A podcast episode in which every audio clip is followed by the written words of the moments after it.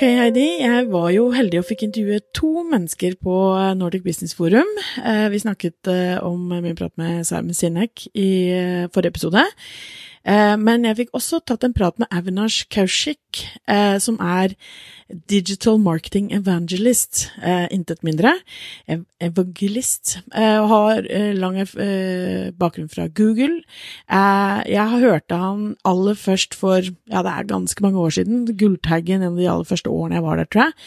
Og han er helt fantastisk på scenen. Eh, sånn ordentlig deilig nerdete i tall mm. og tull, som man bare tenker åh, dette kan, litt, kan, være litt snork. Men han bare gjør det på en så fantastisk eh, engasjerende måte. Eh, men det han snakket om nå, var ikke Google og søk og søkemotorer og, og den biten der. Det han snakket om, var maskinlæring og AI. Eh, og det syns jeg var eh, verdt en liten ekstra prat om. Hi, Avinash. Uh, thank you for a great uh, talk uh, here at the Nordic Business Forum. I just wanted to uh, ask you a couple of questions. Um, you spoke of uh, machine learning, yep. and you mentioned that your kid has been great at, uh, awesome at programming, but also that when he graduates, he, he um, already might be behind. so things are changing really rapidly. Yep. Uh, what is the most important thing you think we as parents or as society can tell to our young people that they need to focus on, or need to learn, or need to do to be prepared for the future that we have ahead of us? Um, as parents, we normally worry about figuring out, uh, uh, we worry about how our kids are doing with traditional parameters of intelligence in the sense that have they done their physics homework and have they studying good grades in math and things like that? And, and I think that, uh, so we would tutor our children, of course, and help them along, uh, help them with homework. But, but one of the things I've, I've, discovered is that a lot of the things that the kids are learning right now, it, it's unclear that they will stand steady for them over the next decade or so. Um, and so one of the big shifts that I'm, I, I have made personally, I'm encouraging others to consider, is to focus on what I call emotional intelligence. Uh, and so there are, you know, eight different attributes of emotional intelligence. And the ones like we're focusing on, for example, with our kids is resilience. This is really important to figure out no matter where the world goes, no matter how it's going to change, that we create kids who are resilient to all of these things and they're better able to handle negativity, adversity, things like that. Um, the second one is just this uh, ability to be comfortable with change. They're going through so much change. And you know that most of us are very not comfortable with change. Now, I don't think it's you nor me, right? We're not natively wired for change. Humans are natively wired to get to a point and then stay there. Um, so, so things like those emotional attributes are really important. So how do you do that? And so for me, like for my son, it's through baseball, um, through pitching in baseball, and to be able to use that. And so I'm myself and my wife were focusing more on emotional intelligence attributes. Then the other thing that, that, that we have to natively cultivate is I do think that most people stop learning after they graduate from university, right? And, and if we know one thing is that things are going to change so fast that we have to figure out how to be lifelong learners. So for, for, for our children, the attributes we're trying to uh, um, create in them is an intrinsic desire to learn and constantly learn and, and have the desire be in their own heart. Uh, rather than say, I would like to learn because I'm going to school. I would like to learn because I have an exam. Both of those are important, and kids, please do that. Right? but but it's, it's this intrinsic desire to learn. And it's one of those qualities that we have to, we have to both model to our children that we're doing that ourselves. It's very important to, to have um, in, in our own kids.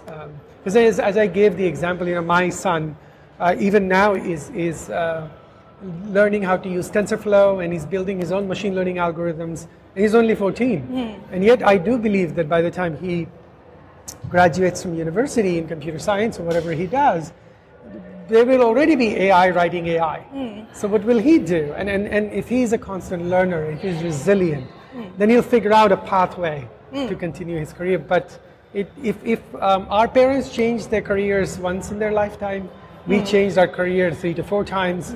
Our children will change their careers 30 to 40 times. Yeah. And you have to figure out how to live in a world they can survive that way. Yeah.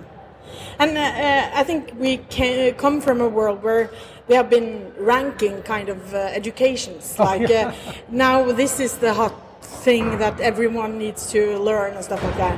Uh, but I think it's. Uh, uh, it's not what you learn; it's that you are actually learning. That doesn't matter. You need to learn how to learn. Yes. You would you agree? That No, I, I, I, I agree exactly. That's why you should have this intrinsic motivation. I think the dimension that you're drawing out that is important is that um, we would always say, oh, I went to university to become a plumber, and now I'm a plumber for the rest of my life. Or I went to a university to do computer programming, or I went to university to become a biologist. The, the thing that, as, as as machines become intelligent and as we drive more automation and we drive a much more pervasive existence of intelligence, the opportunity that gets freed for human beings is, as I said, we will tackle novel situations. But it does mean that we can have many different careers in our lifetime, doing completely different things. So it's not that we have to keep learning and becoming a better and better plumber No, or a yeah. better, better house painter or a better, better biologist. It's just that you could say, you know what, for this phase of my life, I'm going to be a biologist. I'm going to figure out how to do blah, blah, blah things.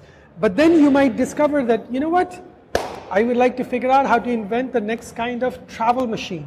And you can actually shift to doing that because that opportunity is available to you. This idea of being locked into a career Yeah. is probably not going to be true even in our lifetime, certainly not for our children. Yeah, I, I work in social media, and uh, what I see when working for our clients is like uh, the content that get most views, most reach, most, most engagement uh, is kind of the nerdy stuff. So I, I see like uh, the time we're in now is like the time of the nerds uh, in a good way. In the we, we want to learn more stuff, and we want to uh, develop and, and see things that we didn't know we actually needed to see. Yeah. Um, so that could be an interesting uh, future if people dig into and learn more different kind of things that they didn't know they wanted to learn. Yeah, no, I agree. I, I, I mean, one of the things is that as, as there is there is some legitimate worry that as machines become smarter, software or hardware, machines become smarter, that you know they will displace humans and our existence will be very poor and we will all die. And perhaps that will happen. I don't know that, right? I, I take the optimistic view that as the the mundaneness of the things we have to do that don't really add value gets overtaken by machines and automation, we will have more time to dis- to truly do things we love, to find joy in the things we're doing. So I'm, I'm actually excited for all this revolution to come through because I will have more time to do things that I love Play doing. baseball with your boy. Yes, Yeah. and, and all of humanity, Yeah. right? We will all have more time to work if we choose to work on things that we want to work on, and that will bring us more joy um, than the ones that we do today, which is we have to do a lot of shit, and we have to do it because we all have to make money, right? And we also find some a little bit of joy in it, usually. Uh, by, by I think this balance will shift. Yeah. Um, AI and machine learning is advanced uh, rapidly, and your example with the salad growing in Silicon Valley was fascinating. Um, but if you look at more human-driven uh, businesses, a consulting firm or, or small, smaller uh, companies um, in general, what do you see in their nearest machine learning future? Should a consulting firm with four employees uh, do something in the to, to be more adaptable or ready to Yeah. uh, machine I learning? mean, so, so the, the, it is the quality of problem that you're solving that is, that is the lens to look through. So at the moment, consultants solve a lot of low-grade quality problems. It's, it's work they don't enjoy, they work very hard at it, it's just crap work. And they know it is tactical, low-quality work. But they have to do it because somebody has to do it, Yeah. right? To, to me, the, the quality of the work and problems they'll be able to solve will keep ratcheting higher and higher. So at the moment, if you're a consultant and charging $100 an hour, um, that's what I would call, you know, medium low grade work. Uh, somebody has to do it, and you should do it, and it is good money. Take it. Uh, definitely not begrudging that. But, but, but consider if, if those tactical low grade problems, we have intelligence we can apply to it, so those problems don't need solving by a human we will deal with what I termed as now, we will tackle novel situations. And, and what you will be able to do is shift your time to solving $1,000 an hour problems or $10,000 an hour problems. Now, these are really hard problems to solve. Yeah. And you're going to have to invest in learning and be very smart and have good skills. You'll have to have all that. Yeah. But think of how much more fun it is to solve a $10,000 hour. The- the- the- your, your bill to the client is $10,000 an hour. That's the quality of problem you're solving. It brings, it brings, it's a challenge. It, it will bring joy to you. It will change the world, right? That's kind of how I think about it. Perfect. Thank you so much for your time. Absolutely. Thank Thank, you you. so much. Ja, det- jeg syns jo at uh, det var ganske fascinerende å snakke med Avinash, uh, spesielt etter praten med Simon Sinek, som vi snakket om i forrige episode. Hvor uh, igjen jeg prøvde å si, for han, han snakket om sønnen sin, som nå var 14 år, og uh, har vært kjempegod til koding i liksom lang, lang tid, og nå driver med maskinlæring som 14-åring, men at han og hans kunnskap kom til å være utdatert når han var ferdig på videregående. Eh, så jeg måtte spørre liksom, ok, men hva er det viktigste vi lærer barna? Og igjen så er det det samme som Simon Sinek også trekker fram. Det er de emosjonelle, den emosjonelle IQ-en. Eh, ikke liksom tving barna til å lære, eh, fordype seg i koding, eller nå må alle lære seg sånn og sånn. Det er bra at de lærer seg koding, for all del, det er ikke, det er ikke noe mot lær kidsa koding eller noe sånt her, men viktigheten av de emosjonelle eh, verdiene og det emosjonelle tankesettet og IQ-en fascinerer meg. Han her er jo super hardcore innenfor maskinlæring, eh, men allikevel så er det den verdien han trekker fram. Jeg syns det var så spennende. Han, han, eh, han sa som et eksempel at, at vår beste, våre besteforeldre de skiftet gjerne yrke eller karrierevei eh, kanskje en, kanskje to ganger i livet, maks tre. Eh, og våre foreldre har gjort det kanskje tre, fire, maks. Eh, og, og vi litt mer, og den neste generasjonen kanskje flere hundre i løpet av livet sitt. Fordi at det, det er et sånt tempo i forhold til alle typer eh, fag og alle bransjer. Eh, og det går bare fortere og fortere. Sånn at den viktigste eh, evnen, det var ikke det spesifikke faget, men det var evnen til å lære. Og ikke minst ønsket om å lære. Det å faktisk ville å ha en eh, et, en driv og en interesse for å lære, det var viktigere enn det du faktisk lærte. Mm. Jeg syns det var kjempefascinerende, for det er jo noe med det derre Ja, karrierevalg, ikke sant. Altså når vi skal rådgi, jeg har en sønn som skal begynne på videregående til høsten. Hva skal jeg liksom eh, gi han av råd? Hvor bør du gå? Vil du velge liksom den generelle, det som vi kalte allmennfag, SSP nå? Eller så er det Myndighetene har jo en voldsom kampanje for sånne type mer yrkesfaglige retninger. Er det riktig? Og så vi aner jo ikke hva disse ungene her skal jobbe med. Vi aner ikke hvilke jobber som fins når de skal ut i arbeidslivet. Vi aner ikke. Vi aner ikke hvordan verden ser ut i det vet hele tatt. antagelig, vi vet jo noe om noen. Altså Vi vet at det er sykepleiere og en del andre sånn, som kommer til å ha store mangler. Og, eh, sånn, så det er noen som er, eh, er ganske bankers. Men så har Jo, jo, du veldig jo, mange yrker som bare forsvinner helt. Ja, men samtidig sykepleiere òg. Det spørs jo hvor langt, selvfølgelig. Altså, jeg snakker ikke om neste år eller året etter. Men Mm.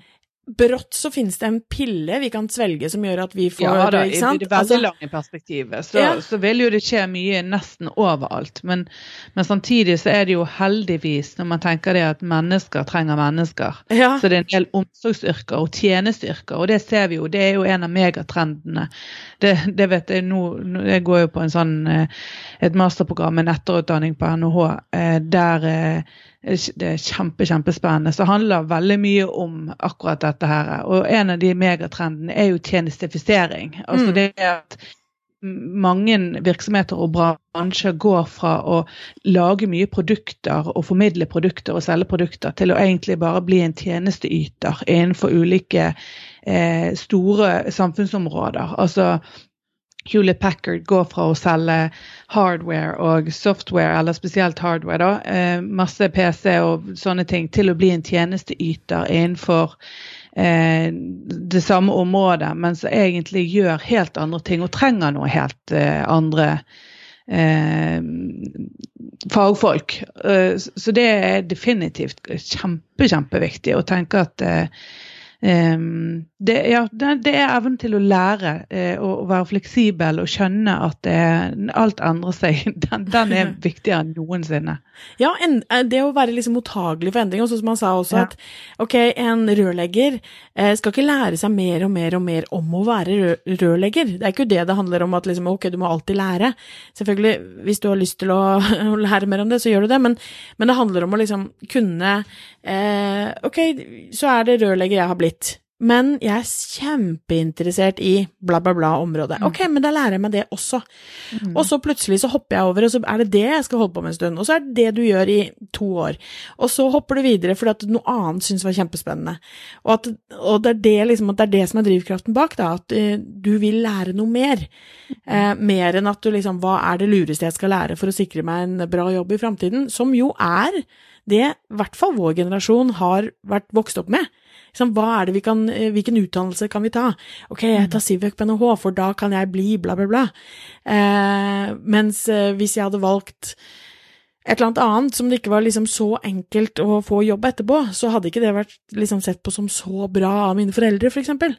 Mm. Eh, og sånn er det jo ikke nå. ikke sant? Det er ikke noe sånn ok, dette kan du ta, og dette kan du gjøre for å bli, og være helt sikker på at du da er eh, safe i resten av din karriere. Og det er jo Nei, veldig ja, spennende, men, men, samtidig ganske utfordrende.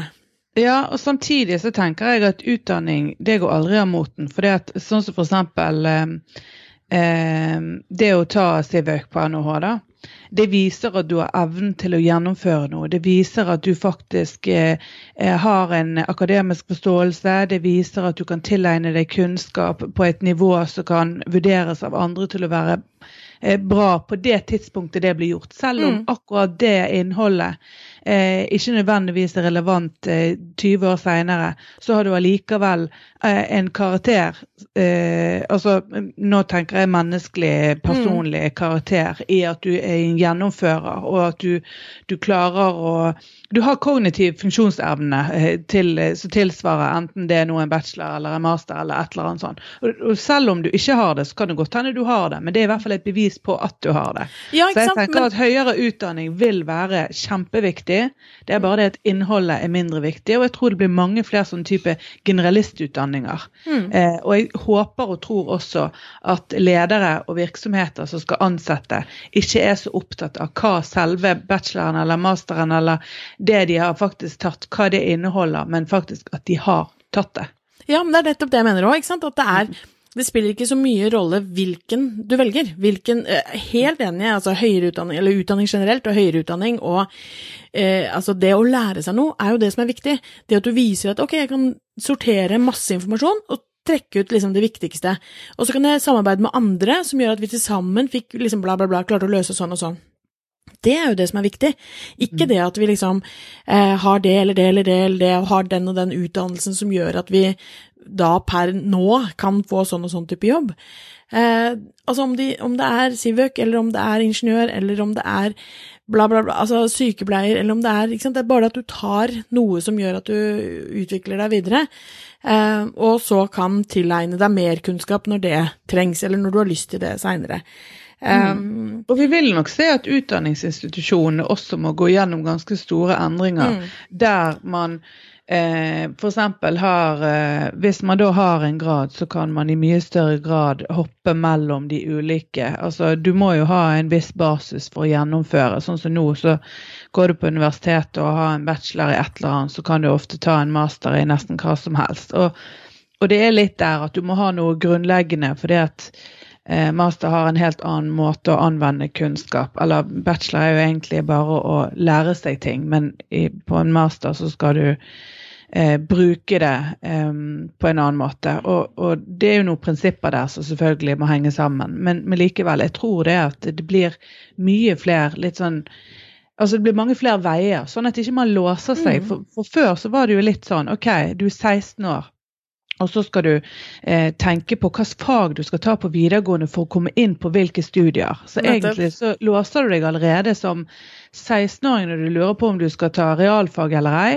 Og så, når du da kommer videre på, eh, på ja, videregående og skal søke på høyere utdanning, så, så de færreste av oss går, begynner med noe helt annet. Altså Noen gjør det, men, men du, du investerer jo ganske mye i eh, både utdanningen og, og, retningen du tar. Mm. Eh, og, og, før har man låst seg veldig. Kanskje det blir muligheter nå for å være litt mer fleksible enn eh, en tidligere, i hvert fall. Ja, men det tror jeg det må bli. Eh, ja. Det må bli det, og det ser vi jo også. Vi jobber jo med Gyldendal Akademisk, og der, de, de er liksom sterke innenfor bl.a. sykepleier, da. Eh, og der sier de jo at nå i læringsplanen så er, er, det mer opp til studentene. De får velge pensumet sitt. De får ja. sette sammen et pensum som de skal på en måte eh, være gjennom, og så er det selvfølgelig noe helt sikkert eh, minimum som ligger i bunn, men, men så skal, de skal få være, liksom, være med å bestemme hva de skal lære. Um, og jeg hørte også et annet foredrag med, det var ikke på denne konferansen, men um, tidligere med han Kjell Nordstrøm, eh, som sier at verdien av utdannelser, de tradisjonelle Civøk og alle disse andre utdannelsene, synker. Og det er ikke mm. fordi at, eh, fordi at det å lære seg noe, eh, som for eksempel Civøk, da, er, eh, har mindre verdi, men fordi at nå kan jo folk lære når som helst, hvor som helst, overalt. Altså det er så mange, ja, da, er. Du kan jo ta mm. kurs på Harvard og sånn på nettet, ikke sant? Mm. så du kan sette sammen din egen greie for, som er mye mer skreddersydd til deg. Og Dessverre det, er det jo bare det at det koster mye, sånn kildene blir større, sånn mm klassemessig, sant? for da er det de som har mest, som da kan eh, tilegne seg den kunnskapen, som gjerne har høyest eh, prestisje, f.eks. ved disse skolene. Så da, mm. globalisering av utdanningssystemet, så vil jo vi dessverre få eh, litt den, de samme tendensene som de har hatt eh, i USA i alle år. At det er de som har mest, som får kjøpt de fineste skolene til barna sine. Ja, det er absolutt en utfordring. Det må man jo, i hvert fall sånn eh, som et styresett i Norge, ta høyde for og ta passe på. At man liksom får sørge for å ha et bra minimum i bunn for alle. Mm. Men eh, litt sånn tilbake til Avinash, da. Eh, han snakket jo som sagt mest om maskinlæring.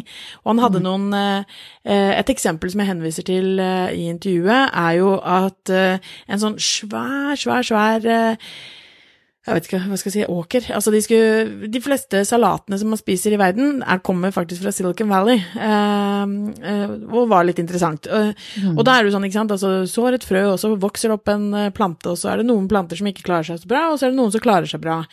Du vet jeg skal dit om to uker. Jeg vet, så kan du handle litt sånn salat til meg, gidder du? Nei, men og det, det som var dritfascinerende, var at da var det bygd en maskin som eh, som suste over da denne åkeren, eller hva man nå kaller det, salatåkeren, eh, mens det var frø eller bitte små spirer av planter. Og så klarte da den maskinen å avdekke denne her kommer ikke til å bli en stor, fin plante, den her kommer til å bli en stor, fin plante. Ikke spør meg hvordan, men det klarte da den maskinen. Og den justerte da ut at ok, den planta som ikke kommer til å få, eller bli en stor, fin plante, den gir vi ikke noe vann. Så, men den som kommer til å, å, bli stor, den gir vi vann. Så da så du etter hvert en åker som da var eh, med liksom noen planter, og rett ved siden av så var det ikke vanna i det hele tatt, og der var det selvfølgelig dør det ut. Og etter hvert så var da den bare lærte mer og mer og mer, og så var den selvfølgelig en helt fantastisk salatåker etter hvert.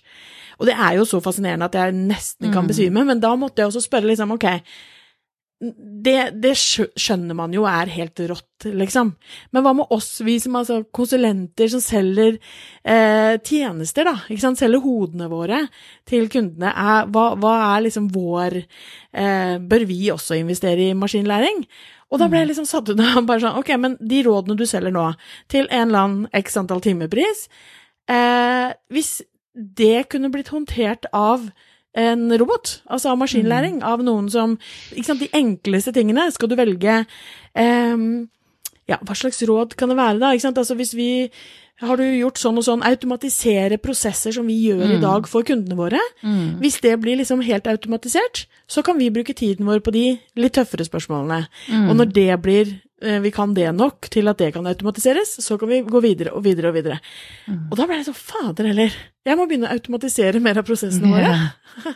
Yeah. Og det fins jo verktøy, det fins jo noen sånne altså, Ja da, vi hadde jo en runde i fjor der vi gikk gjennom omtrent eh, det som fantes av verktøy for både posting og prosjektstyring og yes. alt mulig annet.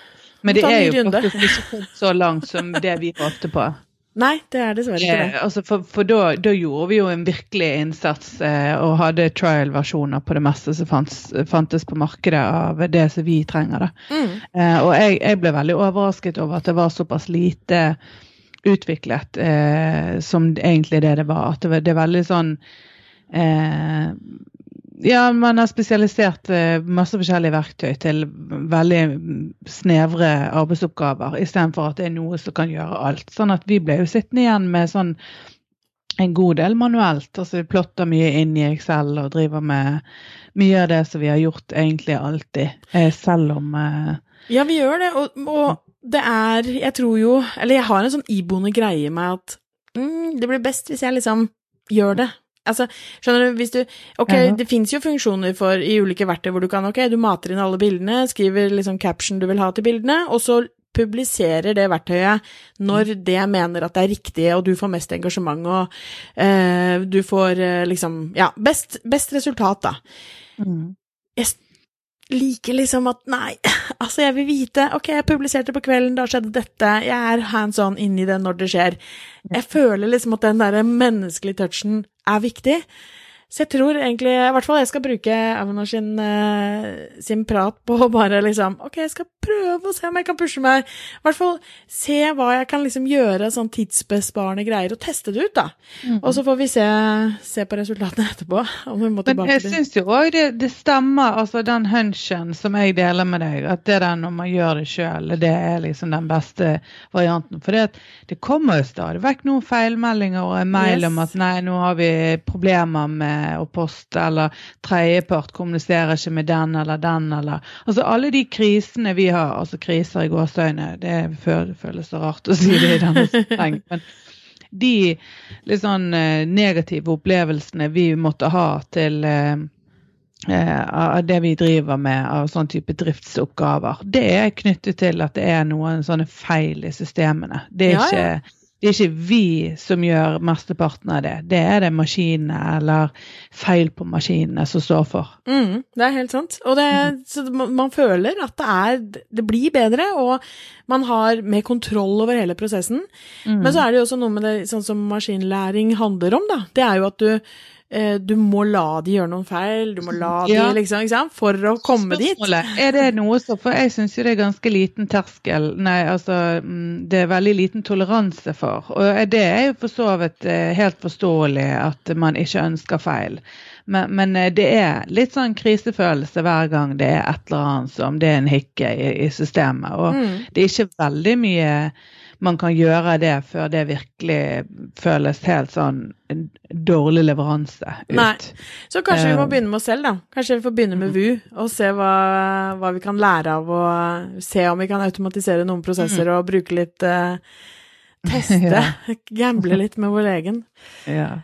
Ja, det hadde vært interessant. Men eh, i hvert fall, Auvenars, hvis noen uh, har sjanse til å høre den karen uh, snakke, sjekk han ut på, i alle mulige kanaler, for det er ekstremt mye bra innhold som kommer fra den kanten.